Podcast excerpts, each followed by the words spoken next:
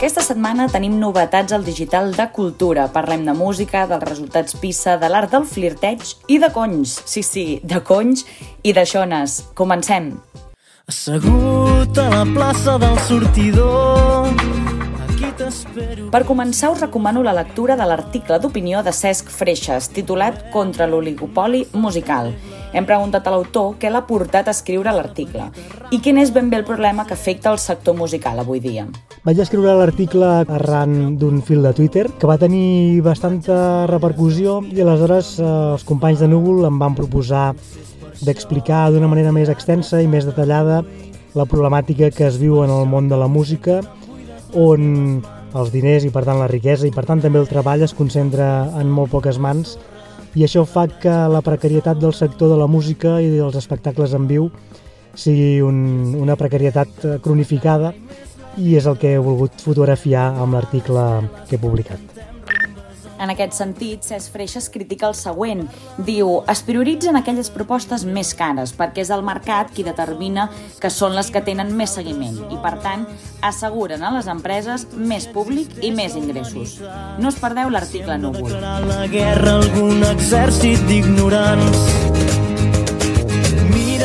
i de la música passem a l'art del flirteig amb l'article d'opinió de Montserrat d'Amazon.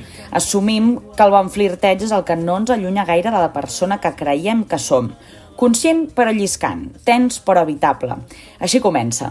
Com que l'articulista descriu com és l'art del bon flirteig, li hem preguntat com seria un mal flirteig i com se li va acudir la idea de l'article el que seria un mal flirteig seria clarament amb algú que no respecta els teus tempos, algú que no té interès per conèixer-te, sinó que simplement es pensa que flirtejar és quedar bé davant teu i deixar-se ell mateix bé davant teu.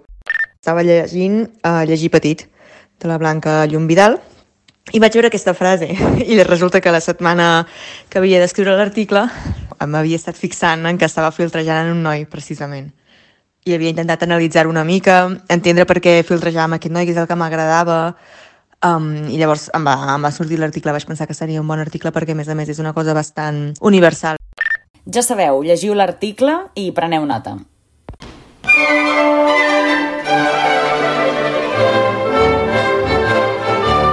I no deixeu escapar tampoc la peça El factor diferencial del català, de Damià Verdera, on fa una anàlisi de la reacció davant la comissió d'experts que ha creat el Departament d'Educació després dels resultats PISA. El mateix autor ens explica la idea de l'article. D'una banda, penso que si els resultats PISA eh, haguessin sigut igual de dolents però no haguéssim quedat a la cua d'Espanya, no hi hauria hagut ni la meitat de rebombori que hi ha hagut. I segona tesi és que els catalans, sobretot en matèria educativa, vivim de renta. Ens pensem que encara som una potència educativa respecte d'Espanya quan això ja no és així i quan la realitat ens ho ha desmentit més d'una vegada i més de dues. I aquí va un fragment per il·lustrar aquesta idea. Ens estimem tant la nostra singularitat educativa catalana, innovadora, inclusiva, bufillesca, competencial i bla, bla, bla, que a l'hora d'analitzar el nostre fracàs educatiu i amb una mica de sort posar-hi remei, i acaba més a baix.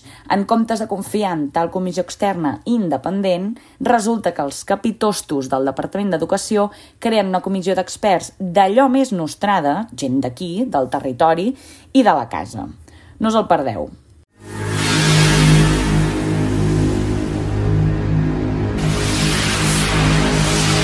Això que sentiu és el tràiler del nou espectacle de la ballarina i coreògrafa Núria Guiu, que es diu Supermedium, i que podreu veure al Mercat de les Flors del 24 al 28 de gener. Jo mateixa, Joana Justícia, n'he escrit un article que podeu llegir a Núvol. A diferència del seu anterior espectacle, Medium, aquesta vegada Núria Guiu està acompanyada de vuit ballarines, els cossos de les quals actuen com a medium, és a dir, totes elles canalitzen una gran varietat de moviments provinents de diferents herències culturals, inclosa la digital. He conversat amb la ballarina i ens ha explicat com ella entén la relació que mantenen les bruixes, les mèdiums i les ballarines.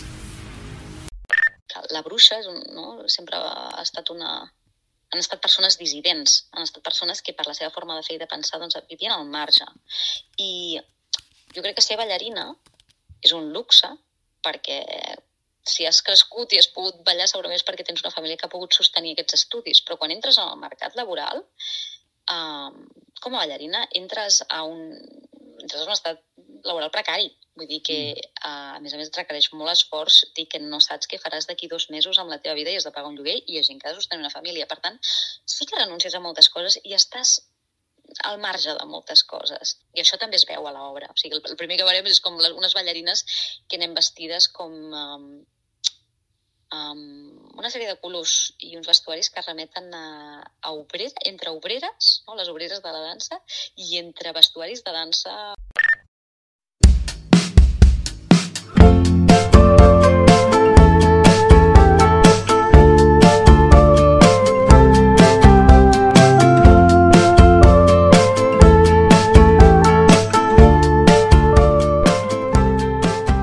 Si us dic la paraula PEC, així sense cap mena de context, potser no entendreu de què estic parlant. Però si llegiu l'article que Jaume Forés ha publicat aquesta setmana a Núvol, segur que en sortireu de dubtes. Deixona, Schools i Conys explica les darreres aportacions al llenguatge que ha fet la generació Z, amb unes expressions que, com explica Jaume Forés, ens parlen de com la perifèria està conquerint cada vegada més la centralitat en una societat cada cop més plural i diversa. Si llegiu, coneixereu l'origen de PEC, que ja us avanço, que són les sigles de por el culo, o també d'on surt l'expressió servicony. Hem preguntat a Jaume Forés quina d'aquestes expressions l'ha sorprès més i quina incorporaria en el seu llenguatge. Doncs he de confessar que de totes aquestes expressions la que em sorprèn més és la de servicony, perquè jo crec que si no saps la història que hi ha al darrere de l'expressió i d'on prové, eh, doncs bé, és una expressió que, que impacta bastant, no?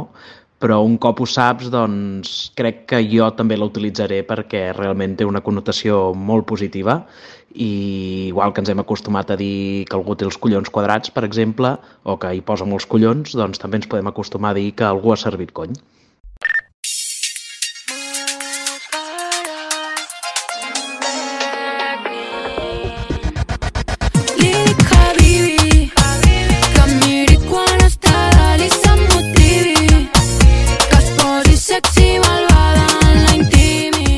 Parlem de la generació Z, avui ens hem d'acomiadar amb la Musca, la cantant de música urbana predilecta de la generació Z, que acaba de publicar el disc Sexy Sensible. Us deixem amb Habibi, que tingueu una molt bona setmana. Adeu!